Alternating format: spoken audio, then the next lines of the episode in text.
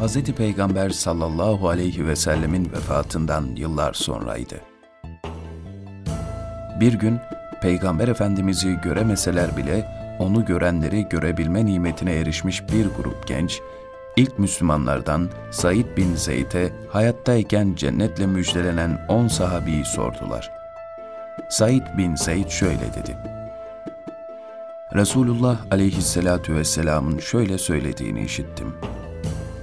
Ebu Bekir cennetliktir, Ömer cennetliktir, Osman cennetliktir, Ali cennetliktir, Talha cennetliktir, Zübeyir cennetliktir, Sa'd İbn Malik cennetliktir, Abdurrahman İbn Avf cennetliktir, Ebu Ubeyde İbnül Cerrah cennetliktir.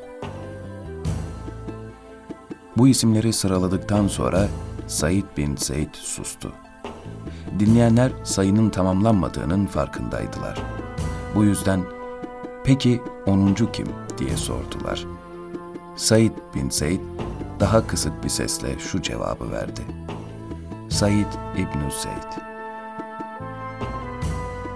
Said bin Zeyd kendisini en başta zikretmemek gibi büyük bir incelik sergilemekle kalmayıp ismini en sonda zikretmekten dahi haya etmiş, gençlerin 10. ismin zikredilmediğini fark etmesi üzerine kendi ismini de zikretme durumunda kalmıştı. Hayattayken cennetle müjdelenen 10 sahabinin ikincisi Hazreti Ömer'in akrabası ve eniştesi olan Said bin Seyd, Hazreti Ömer'in evinde Müslüman olduğu kişiydi de. Hazreti Said, gençlerin ısrarı üzerine 10. ismini zikrettikten sonra onlara Hazreti Peygamberi bizatihi tanımanın değerini ve tadını şöyle anlatmıştı.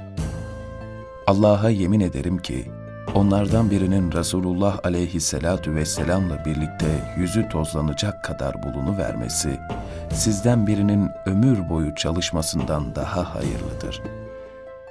Hatta ömrü Hz. Nuh aleyhisselamın ömrü kadar uzun olsa bile.''